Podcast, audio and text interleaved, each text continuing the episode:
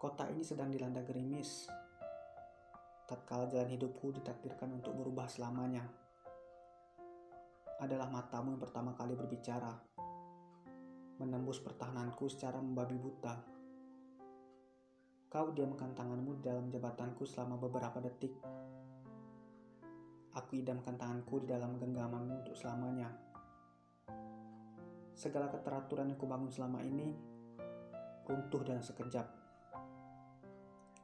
Padahal, perjumpaan kita begitu sederhana. Tidak sedramatis kisah-kisah yang dongengkan para pujangga. Meski begitu, bagiku kau istimewa. Melebihi apa yang mampu digambarkan susastra. Bahkan, aku yakin kau bukan manusia biasa.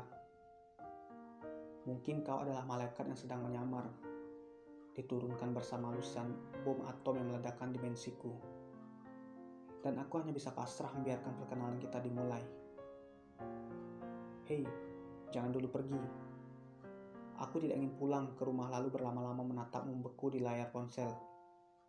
Kau terlalu indah untuk kubiarkan berkeliaran di lini masa. Sudah, duduk saja sebelahku, hingga di ujung zaman bila perlu. Aku takkan keberatan. Jangan tanya kenapa. Logika telah mati. Ajukan saja pertanyaan mulu itu pada jantungku yang berdebar saat tenggelam dalam senyumanmu. Meski ku tahu senyumanmu untuk saat ini hanya basa-basi normatif. Tumbuh harapan dalam hatiku. Berharap kelak dapat kutemui senyumanmu yang sesungguhnya dan jika tidak berlebihan, akulah orang yang membuatmu tersenyum. Kau pun pamit undur, menyisakan wangi yang pekat mewarnai udara. Tanpa mau bertanggung jawab, kau tinggalkan aku termabuk sendirian. Jika kasmaran adalah narkotik, maka kau adalah bandarnya. Dan aku bagaikan pecandu yang rela mengandaikan jiwa demi menatap matamu sekali lagi.